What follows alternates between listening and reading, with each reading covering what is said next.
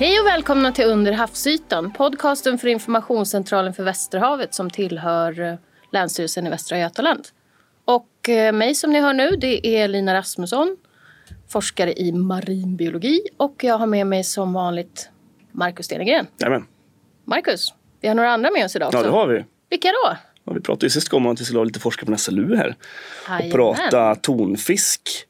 Så jag tänker att ni får väl presentera er, vilka vi har här idag. Ja, just det. Jag heter ju Gustav Hellström och jag är ju på SLU V5 uppe i Umeå.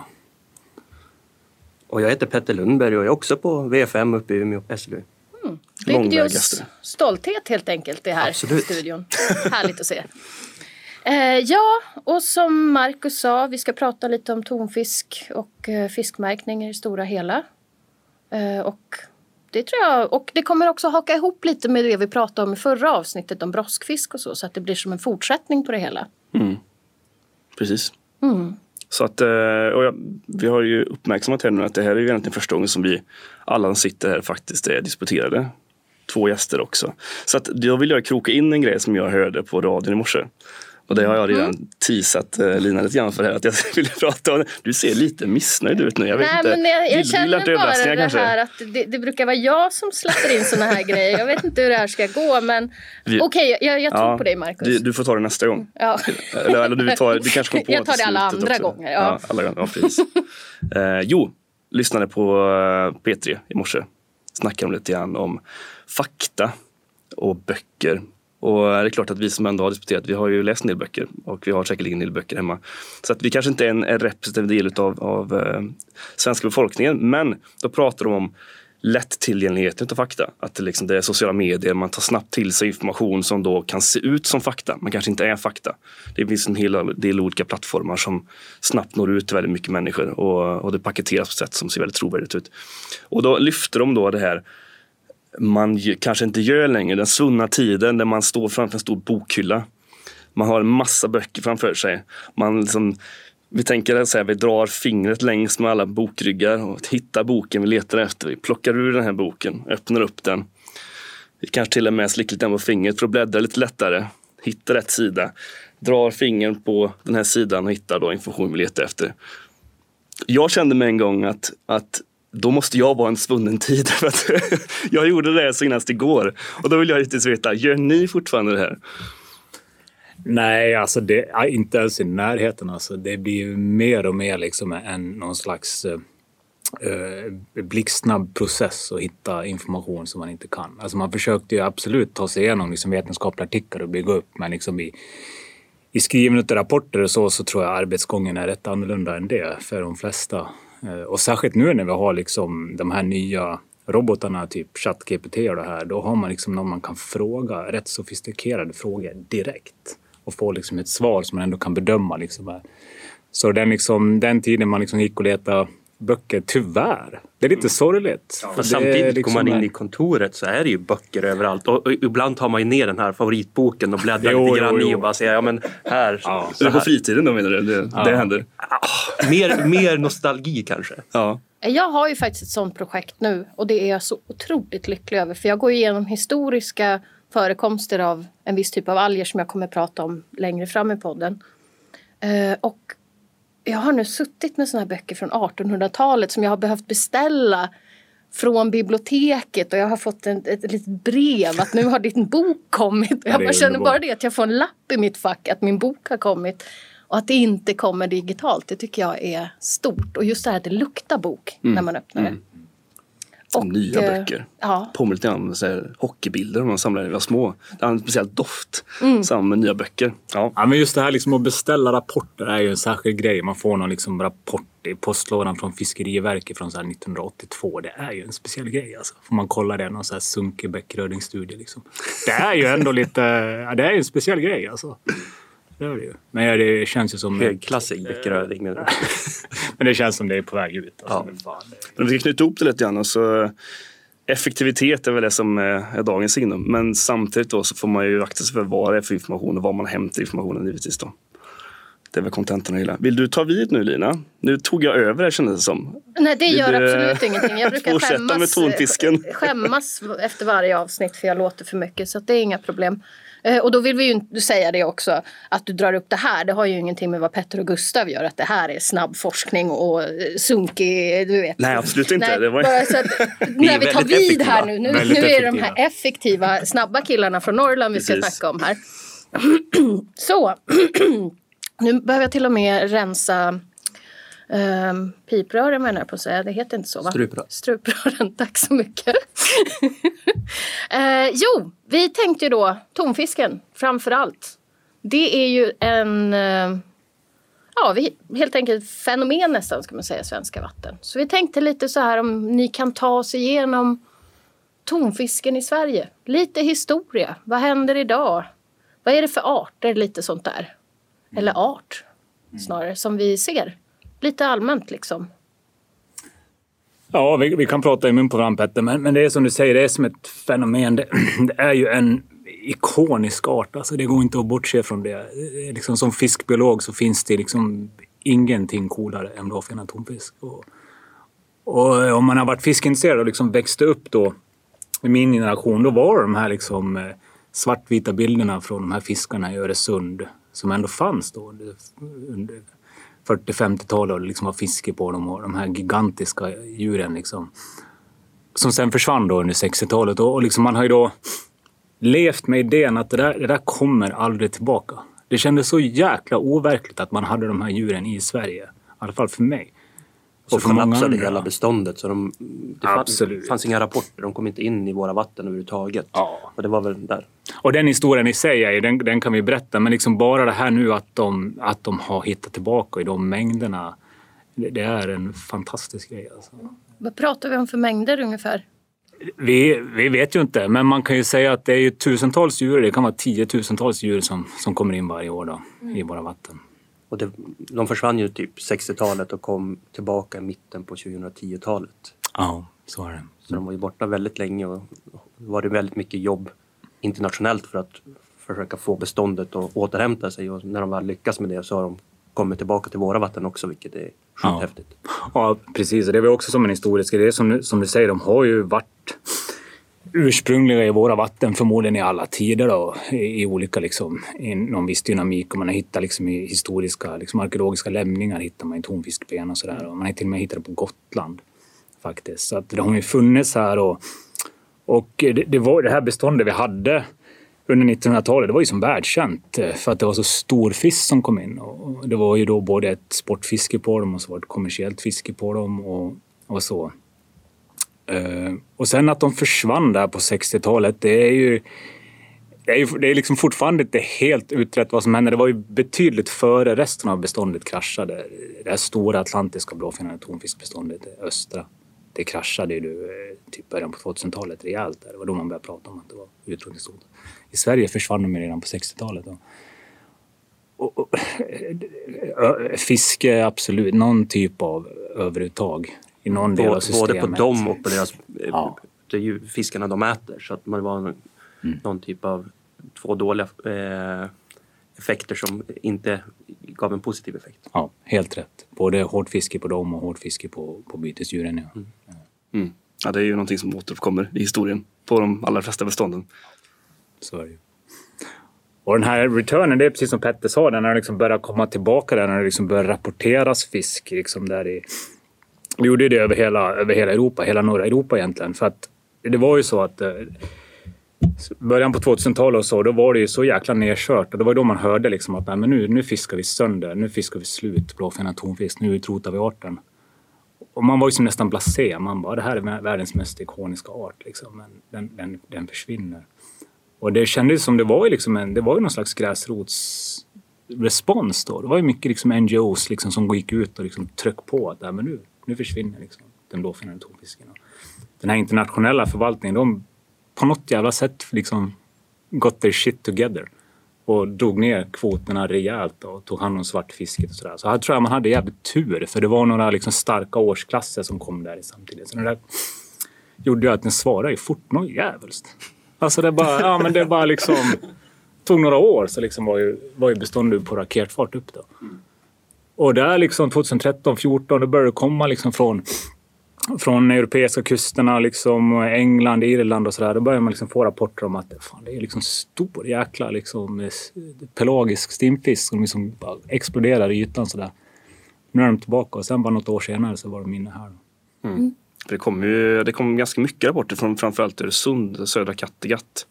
Det var mycket förra året och danskarna skrev väldigt mycket om, om tonfisken. De hade olika båtturer ut och kikade på det. Är det, så, är det. Var det Kattegatt och Öresund som var liksom slutdestinationen här eller hur, hur har det sett ut? Vi vet ju inte. Vi väntar ju på att få de här rapporterna inifrån egentligen liksom faktiska Östersjön också. Vi är inte riktigt där än, men de är ju fan i kanten alltså. De är ju verkligen nära på det. Ja, precis, precis. Men det beror väl på hur, hur fisket fortsätter inne i Östersjön ska jag säga. De måste ju ha en anledning att simma in dit. Mm. Om det inte finns någonting för dem att simma in dit för så kommer de ju inte att dra dit. För någonstans, mm. i alla fall är väl teorin så att till stor del handlar om att de, de söker föda. De är här för att äta. Mm. Och då när de väl kommer in i våra vatten så eh, är det ju under sensommaren och sen stannar de under hösten så drar de ut igen till Atlanten efteråt. Och när de är här då är det ju eh, ja, för att växa på sig och bli ännu större och starkare. För att orka göra de här extrema vandringarna ut i Atlanten.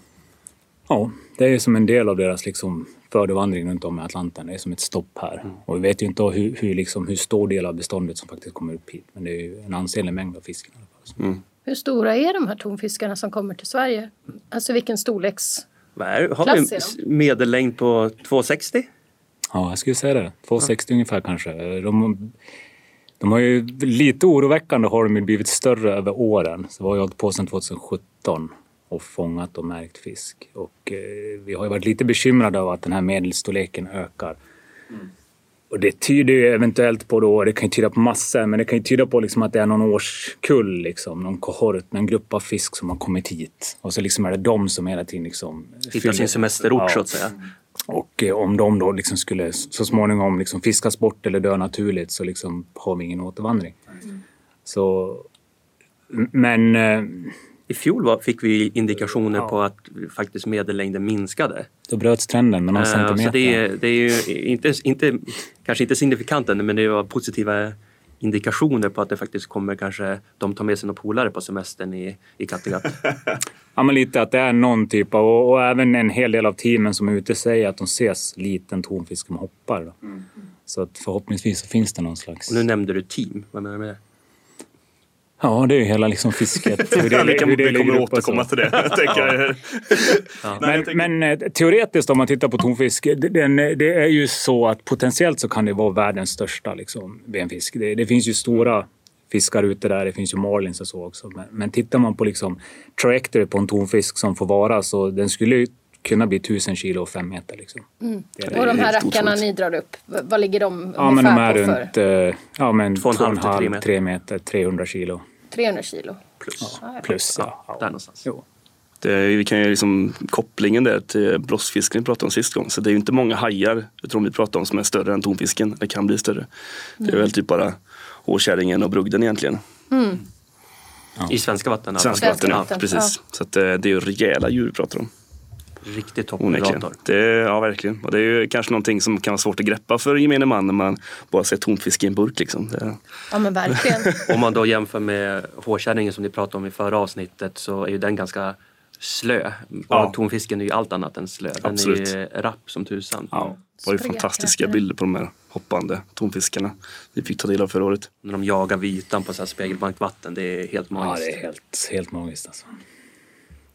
Men då tänker jag lite så när ni pratar om, man märker ju att ni eh, diggar ert jobb liksom. Eh, så då tänkte vi höra lite så här, hur går den här övervakningen och märkningen till? V vad är det ni gör inom ert projekt?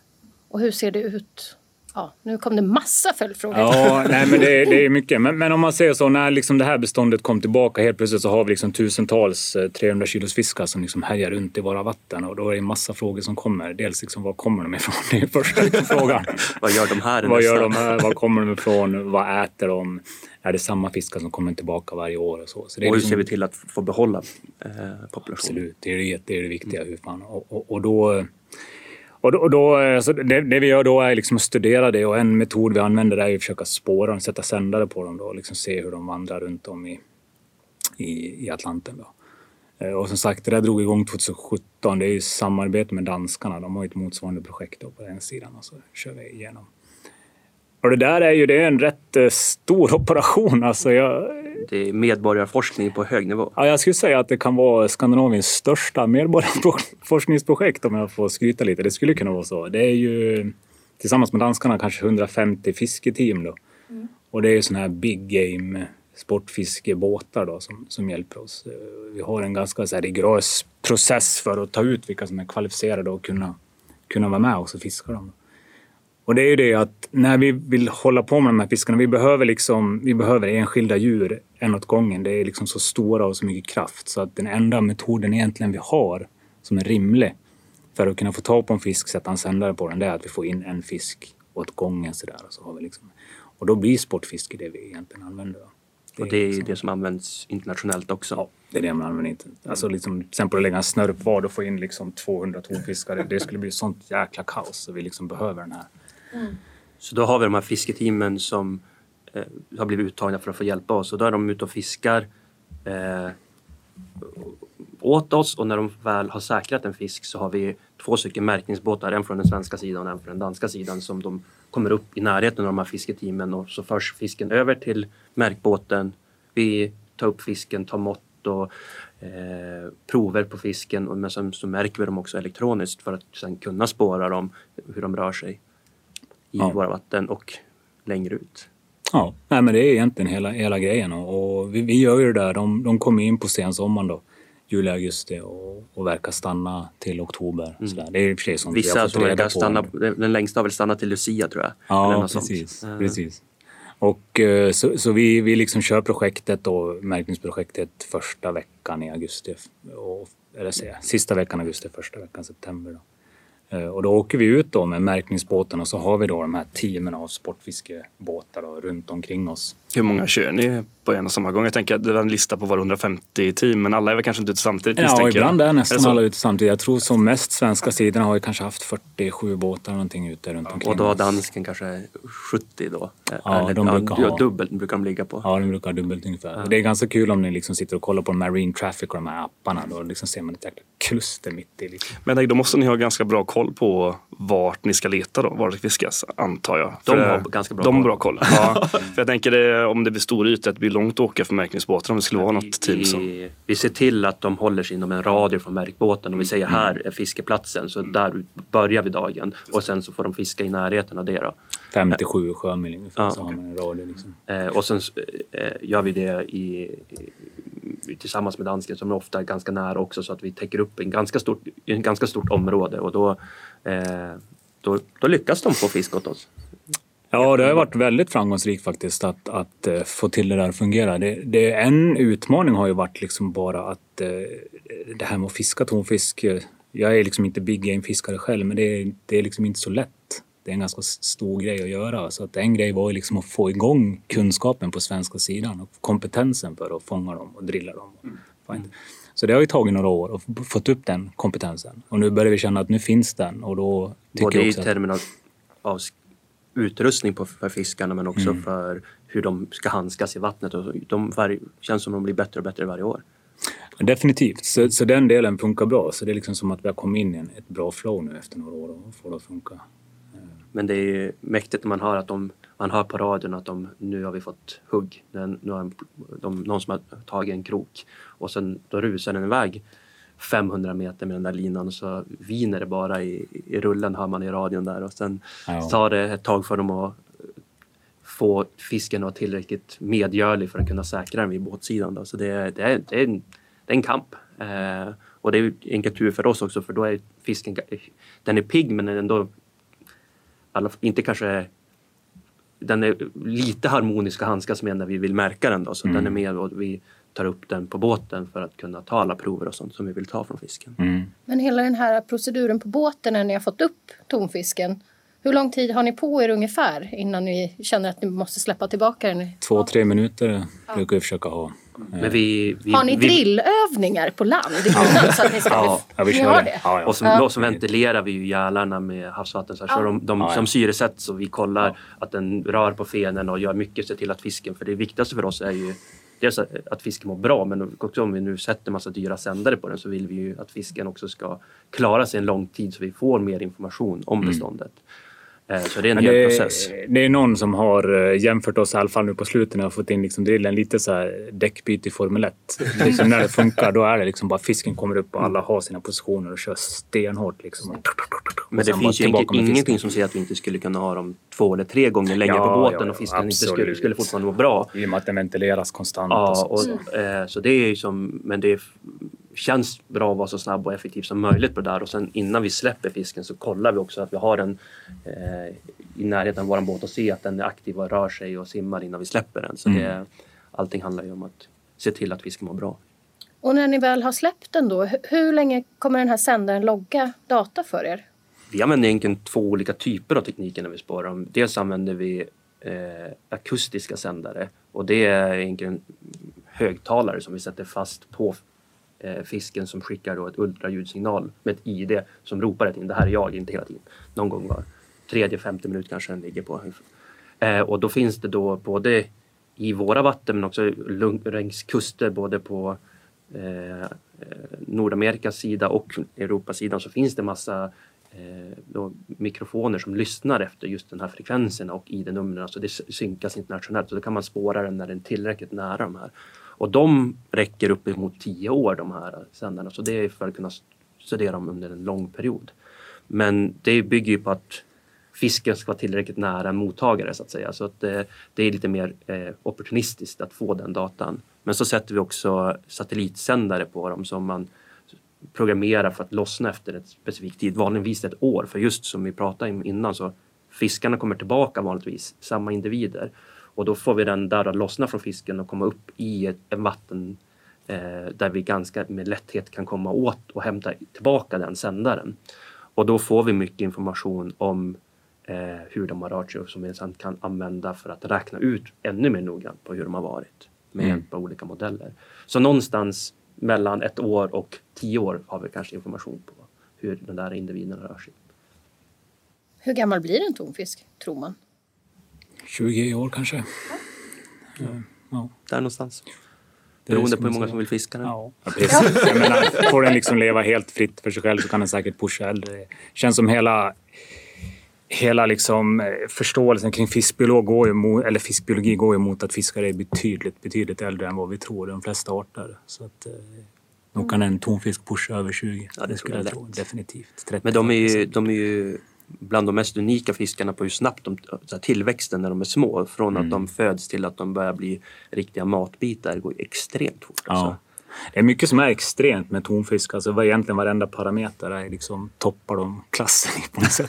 de, bara, de bara krossar på alla listor. Mm. De är väl också sådana som rör sig nästan längst av alla fiskar om man ser deras rörelsemönster. Så. Eh, och ibland händer ju att de här satellitsändarna lossnar tidigare på grund av oförklarlig anledning att det kanske är någon som den har lossnat på att den eh, lekt med andra fiskare eller predation från någon snabbt simmande haj eller vad det nu kan vara för någonting. Och då får vi lite indikationer. Här har den lossnat så vi kan se redan så här, vart släppte den här sändaren. Och det är ju helt sjukt när man ser att de bara på några månader har dragit ner till någon, eh, Västsahara. var det inte någon förra veckan som eh, poppade i Kop Verde typ? Ja, liksom det, var, ja, det, ja. Ja, det är sjukt vad de vandrar. mm. Hur ser de här sändarna ut? Jag bara tänker nu när ni ändå når ut till folk som förhoppningsvis finns här längs västra kusten och ute mycket. Om de ser något sånt här ute. Och, för jag antar att ni Ja. vill ha tillbaka dem då. ja, det vill vi absolut. Och det kan till och med vara rätt fördelaktigt att hitta en sån här för det kan vara rätt generös belöning på dem. Så att eh, det är inte alls fel om de hittar det. Och det ser ut som Ja, du är nog bättre på att artistiskt beskriva hur en sån här ser ut. Men det, Ja, ja, det, det enda Kan du som göra kommer- det i dans Petter? Det enda som jag kommer att tänka på är inte rätt sak tror jag. Men, nej, men, Nej, jag menar. eh, den ser, den, det finns olika modeller av dem, olika tillverkare av dem. Men i princip så är de väl 10 till 15 centimeter långa. Eh, och aerodynamiskt formade. Tänk dig typ som ett, eh, ett jaktflygplan och sen är det en antenn som sticker ut på baksidan som är den som pratar med satelliterna. Då. Mm. Eh, så de kan se lite läskiga ut, nästan lite handgranataktiga ut eller något sånt där. Men, eh, Har de speciell färg? svart eller om man har målat dem med så här anti, det, antifouling Fouling, ja, färg så är de oftast röda. Just Så, det. Och det är för att det inte ska växa någonting på det. ja, exakt.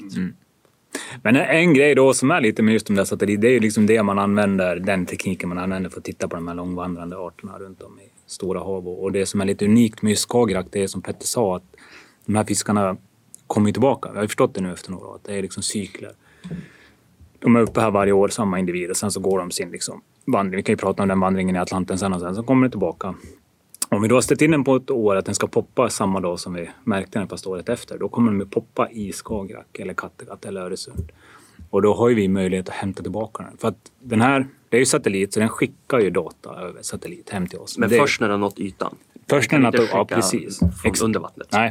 Och det, det är ju hela grejen. Jag liksom, jobbar med fiskspårning. Man är ju så jäkla avundsjuk på de här liksom terrestra ekologerna som bara sätter på någon random varg och GPS-band liksom band och så får de så helt episk data på den där vargen och man bara, vad fan? Det, det, vet, ja, men för oss, det liksom... Det, det, Det här är varghat på en helt Ja, men annan det- nivå. Det har vi inte hört förut. Ja, men det, det här det funkar liksom inte. Vi har ju, det är sånt jävla krångel att spåra fisk över stora ytor. Och det här är Ja. en metod. Och det är liksom att den, den samlar in data på ljus, djup, temperatur. Eh, Och sen får vi liksom bakåträkna via oceanografiska modeller i stort sett och, och, liksom ljusförhållanden kring hur den har vandrat. Och, och det där kan ju liksom ge en precision på plus minus 5-10 mil ibland. Liksom. Det är liksom inte s- XY på någon meter som man får på varg, men det är ändå liksom det bästa man har. Och då är det så att eh, det är den här, när den här poppar upp den här lilla satellit och sänder här data till oss, det är den vi använder för att bakåträkna. Den som den sänder, den är lågupplöst. Och det gör att våra uträkningar blir ganska liksom grova. Men får man tillbaka den, då får man högupplöst data. Och det kan ofta hjälpa till att förbättra liksom, modellerna. Och det bygger ju, mycket av beräkningarna bygger på när gick solen upp och när gick solen ner? För det säger ju lite Ja. grann om vilken longitud och latitud du befinner dig på. Eh, och har man då inte så bra tidsupplöst för när den gick upp och ner så kan du inte använda så bra precision på just den datan. Ja. Eh, och därför är det viktigt att man får tillbaka dem.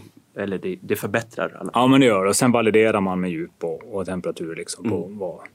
Så, så det är lite häftigt med just vårt system. Att, för jag menar, om man märker tonfisk liksom, fan jag, i Azoren eller någonting och så då kan den poppa hur långt ut som helst. Det är nästan omöjligt att få tillbaka dem på ett sätt. Så på Men så alltså- sätt är projektet rätt unikt att det är en så stor chans att man får tillbaka lång tidsperiod med högupplöst data. Ja. För många kör istället kanske kortare perioder för att kunna skicka så mycket data som möjligt på det batteriet som sitter i den. Så kanske man kör tre månaders eh, tid som sändaren sitter på för att få så högupplöst data som möjligt utan att hitta tillbaka på sändaren. Men just att de kommer tillbaka till, ett, till en begränsad vattenmassa gör att vi ha- har team när vi är ute och fiskar som faktiskt också är ute och plockar de här sändarna. Så vi får tillbaka dem. Det är svingrymt. Ja, det är ett bra study system på det sättet.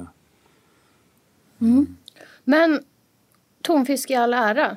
Ni jobbar med andra fiskar också, eller hur? Ja, vilken art jobbar vi inte med höll på att säga. Nej, men det, Jag har svårt att börja hitta dem snart tror jag. Ja.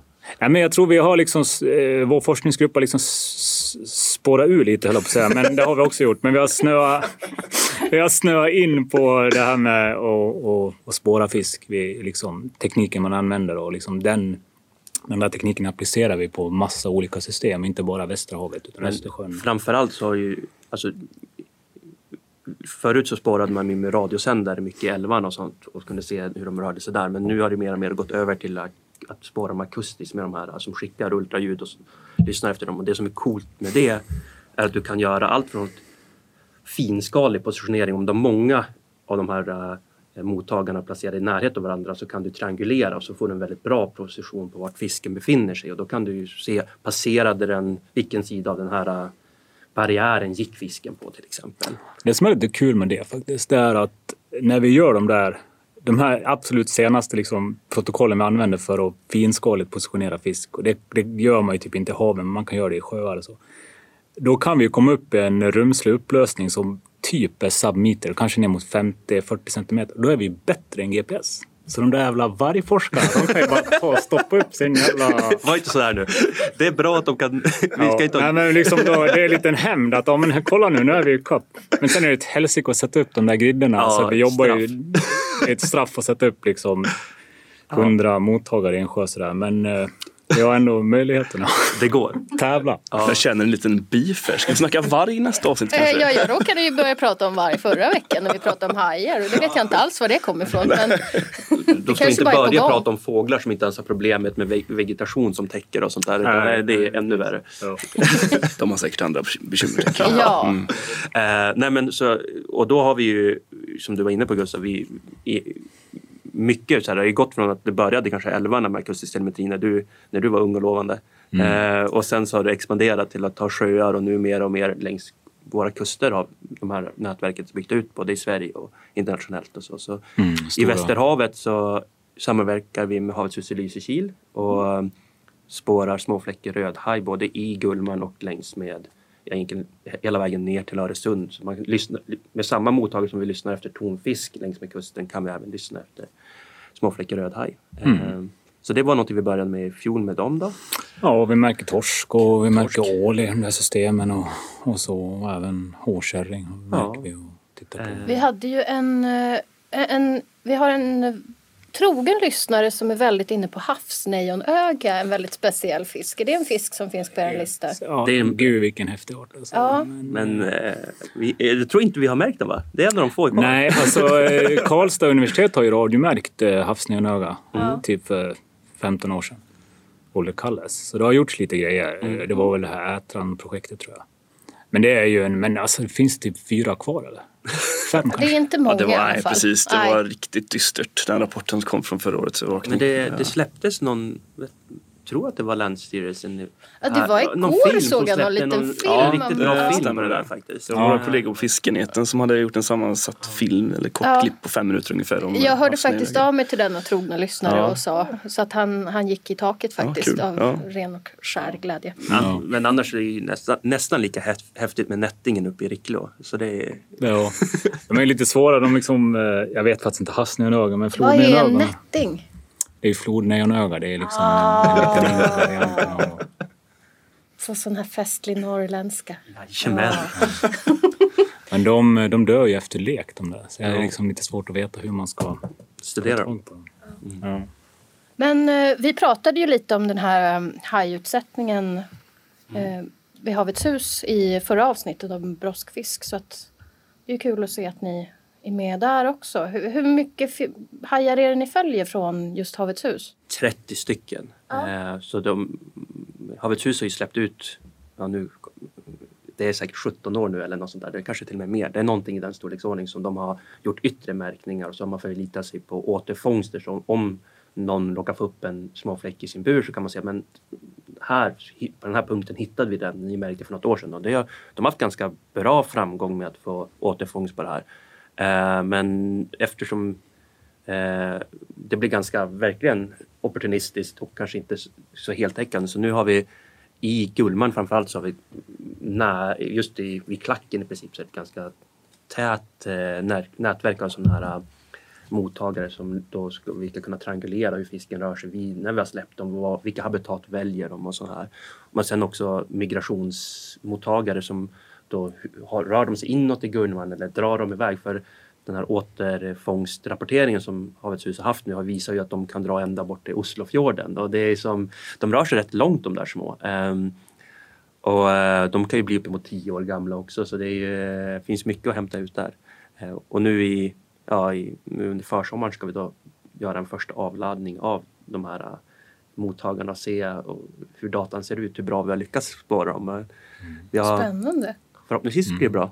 Ja, och pigghaj är väl liksom nästa art vi, vi, vi ska få in och då använder vi liksom samma infrastruktur då, eh, och liksom spårar dem i, i Mm. Och den är ju högst aktuell nu i och med att man har öppnat upp för fisket på dem igen. Och man vet olika rön av var, varje, varje person man pratar med om som befinner sig mycket ute i havs. Vissa säger att de är överallt och andra säger att man inte hittar dem. Och som dykare så hittar man dem extremt sällan i svenskt vatten. Eh, Så, Och sen kommer ju den självklara frågan då. Brugden. Ja, brugden, du, det, vi, har- vi, vi, Det var har, ju standby i somras. vi har samarbete med Tromsö universitet och vi har god kontakt med dem och de märkte brugd uppe i Lofoten i, i fjol. Eh, och de är superduktiga forskare och sen så var det en rapport på att det fanns en brugd som hade gått in nere vid, eh, vad heter den där? Ja, Öresund nästan. Ja, där nere. Så vi var ju på väg att dra men det var eh, eh, vi var inte kanske tillräckligt snabba och indikationerna var inte tillräckligt tydliga för att det ska vara värt att göra en sån här standby stealth mission och fara och märka dem. Men om det är någon som ser några i sommar så hör gärna av Ja. då drar vi direkt. Nej, men det är ju... Man kan ju säga de där... äh, när man, det, jag tycker det har jobbats förvånansvärt lite med de här liksom stora Apex-predatorerna. Vet brugd är väl ape, någon slags filterätare. Men eh, vi har ju även sillhaj i våra system och vi har ju tonfisk uppenbart. Vi har ju svärdfisk och, och sådana saker. Det är liksom som ingen har tagit tag i det. Och en anledning är att det finns väldigt få av dem. Så det är liksom inte bara ut och jubla upp dem. Men det, det andra som kommer från det är ju att vi vet ju ingenting om dem. Då. Så om man skulle ha någon slags förvaltning eller bevarandetänk och så vet man ingenting om dem. Var, var ska man börja? Liksom? Man, vet ingen, man vet inte hur de vandrar, man vet inte överlevnadsdynamiken, man vet liksom ingenting. Och det, den här vandringen kan ju vara så skilja så mycket mellan eh, bestånd och bestånd eller framför art och art. Man vet, ja, men Ja. På djupet, vad vet vi om hur hårkärringen vandrar? Och hur länge måste man följa en hårkärring innan man vet hur den vandrar? Den Mm. blir ju svingammal så den vandringen kanske snackar vi ha tioårsperiod eller något sånt. Man vet ju som ingenting. Ja, men hårkärring tycker jag är ett bra case. Liksom. Där finns det, ju liksom, det, det har ju kommit ut lite rapporter som säger liksom, ja, men det, det finns ett, ett fåtal hårkärringar i våra svenska vatten. eh, eh, har det liksom pratats om. Eh, och det, det, Dels så gör det inte det. Det finns betydligt fler. Och, och dels, eh, och nu börjar vi förstå efter liksom de här första årets märkningar av hårkärring att eh, det kan vara liksom res- stationära bestånd. Som kanske till och med är stationära under, på jäkligt små hemområden. Och det är ju känsligt. Om man liksom har en haj som är 300 år som liksom spenderar 50 år den tiden ut någon sten i något djup i Skagerrak. liksom. Man förstår ju att det här är ju... det- Man behöver ju veta sånt här. Liksom Jo. om förvaltningen ska... Hur ska man skydda dem? Liksom? Ja, men, och det är framförallt nu med, ju mer vi pratar om att nyttja havet som en resurs så måste man ju också både för infrastruktur och för energi och allt vad det nu ska vara för någonting så måste man ju också vara medveten om att vi vet typ ingenting om vad som finns på djupen. Det vi vet är kanske det som är det mest närmast, eller det vi vet bäst är ju det vi har närmast våra bryggor och som vi har kunnat sitta och titta på en somrig dag och sett hur krabban går. Men just de här djuphavsdjuren har vi extremt dålig koll på. Ja, det är de här grundområdena, det pratar vi mycket om i, i kustvattenförvaltningen. Det, är- det är ju det vi också förvaltningen riktar in sig på. Och eh, i praktisk mening så är det bara de översta 15 metrarna egentligen. Så att absolut, och det, det lyfter ju Alltså hela den här, hur viktigt all miljöövervakning är, inte bara när det gäller stora predatorer och fiskar utan även liksom generellt alla typer av, av övervakningar i naturen. Så det är ju grunden att vi ska ha en bra förvaltning. Så, Ja, men så är det. Och då, då är ju de här liksom fisktelemetri som det heter, det, det är faktiskt en kraftfull metod att få fram data. Och liksom det, i och med att- Både spatiellt och temporärt. Ja, och liksom i och med att te- liksom tekniken har blommat ut sista tio åren så att man liksom, nu ser man att det implementeras inte bara här utan över hela västvärlden säga, i förvaltningen. Och vi gör ju mycket i de här stora sjöarna, Vättern, eh, Hjälmaren, Mälaren och så. Vi liksom använder samma principer för att titta på deras arter i förvaltningen. Det är ju bra också för då kan det ju vara lättare att jämföra saker om man använder liknande metodik. Mm. Vi har ju pratat på nu ett tag. eh, Så vi måste nästan börja runda av fast vi säkert kunde prata väldigt länge till. Men vi undrar lite, har ni några såna här sköna anekdoter från fält? Något speciellt ni kan komma ihåg? Antingen något som har varit roligt eller något jättespeciellt ni har sett? Nej, Jag måste säga, det här är ju inte, inte så rolig anekdot, men jag menar om man... det var ju det vi efterfrågade. Ja, men jag, jag- jag måste bara säga som en liten religiös upplevelse nästan så var det som... eh, Du vet, har man jobbat mycket i Östersjön som jag har gjort liksom...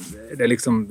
Ja, det är typ bara spigg liksom. Och någon skarv. prata inte lite ner. Östersjön nu, är Östersjön är grym liksom. Och laxen är en fantastisk framgångshistoria. Men liksom, det är ett annat ekosystem. Det är liksom inte alls det där spektakulära. Och så liksom jobbar vi mer och mer i Västerhavet. Och så var det, jag tror det var förra, eller det var kanske för förra året, på tonfiskbåten. Det var en sån här dag där hela havet låg helt stilla. Och vi liksom låg ute mitt i båten och så kom vi liksom in en sån här grupp med tonfisk, liksom bara hoppa. Bara hela ytan exploderade precis runt märkningsbåten och man satt där och bara, det här är insane. Det är insanity. Någon fisk liksom landades och liksom vi märkte den och allting.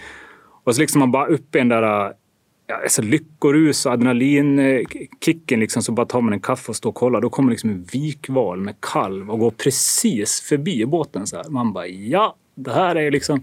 Och efter det så kom det en liten så här sälkut som hade liksom simmat hur långt som helst. Hade du rökt på den här dagen? Ja, eller hur? Nej, men ja, det är det jag undrar. Vad, liksom, vad, är det för, vad är det för jävla fantasihistoria? Men då liksom dök den upp och började hänga runt båten. Liksom bara hänga med oss i typ en timme och så här.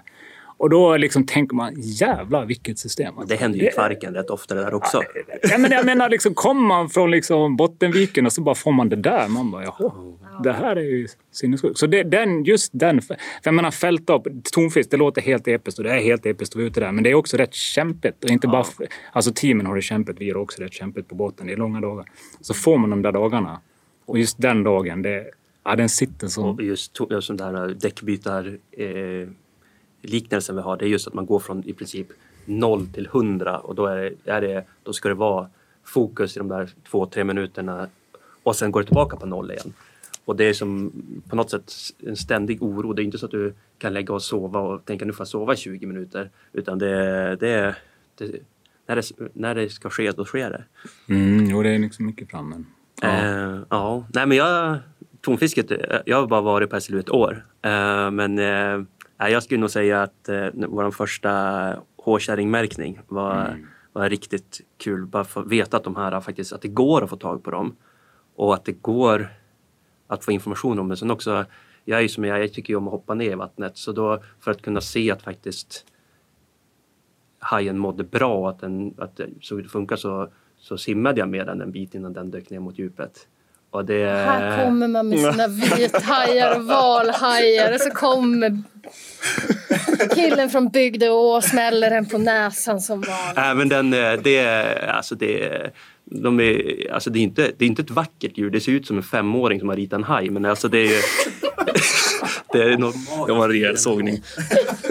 ja. Det är nog helt magiskt. Ja, det är helt riktigt. Och så bara känslan att, men det är väl egentligen det jag tyckte var det, det största. Att man, man kommer så nära fisken så att man får som en personlig kontakt med den och man märker dem både med tonfisken eller med andra fiskar som vi märker allt från eh, gädda eh, till vad det nu ska vara för någonting. Att man får som en kontakt med det och sen när man sen får rapporter när man laddar av datorn men den här fisken som var så här eh, glad när vi märkte den. Den simmade iväg hitåt, den verkar trivas här. Så man får som, det är som man lär känna dem på ett sätt och det tycker jag är mm. svincoolt. Sen blir man ju ledsen då om man ser att här verkar det vara någon som var fisk och drog upp den, men det är en annan femma.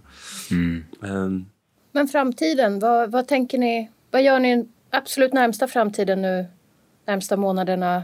Och eh, vad har ni för dröm? Lite kort bara så här på slutet. Ja, för att knyta ihop det. Ja. Den, eh...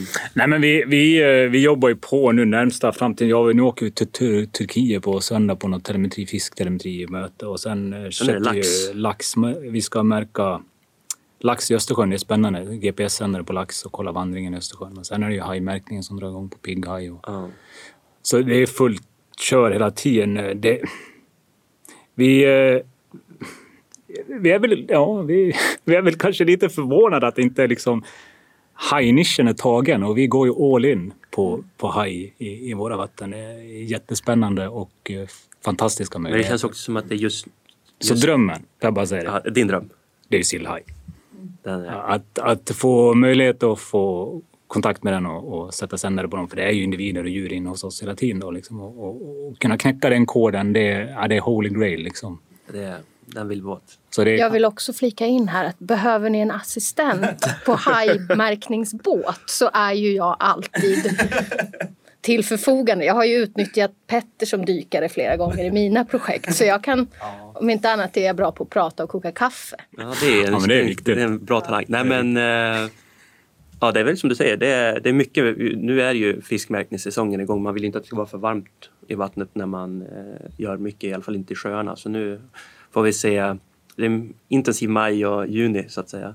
Mm. Men eh, jag är ju, eh, jag skulle ju, jag tycker om det här med expeditioner så att kunna dra någonstans och verkligen bara, inte vet jag, märka håkärring i Arktis. Det hade ju varit riktigt jävla kul. Alltså. Framförallt om man fick också hoppa ner med dem. Det hade varit det, men sen finns det ju också mycket, mycket andra sådana här arter som jobbas mycket med i Europa nu. Som, det, är någon stor satsning mot att försöka kartlägga om det finns vithaj utanför brittiska öarna nu som ska komma i höst. Och det hade också varit helt magiskt om man kunde få halka in på ett bananskal på de satsningarna.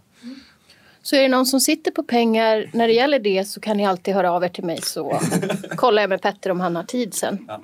Du vill bara simma med dem, det är det det handlar om. Ehm, med det, är det något ni känner att ni inte har fått sagt när det gäller tonfisken eller ert arbete eller så? Ja, jag var och märkte braxen i Kvismare kanal i förrgår. Alltså, Pratade lite om det. Två timmar.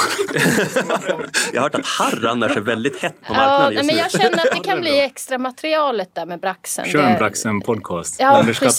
För, för eh, de speciellt intresserade. Nej men eh, sen, nu, nu är det ju trots allt ett, eh, Västerhavet ni vill fokusera på men det finns ju extremt mycket okänt i våra sjöar också. Typ malen är ju ett sånt djur som, en, sån, en sån Mm. fisk som vi vet väldigt lite om som vi också försöker sätta oss in i hur de beter sig och det är Mm. kofisk. Mm, absolut.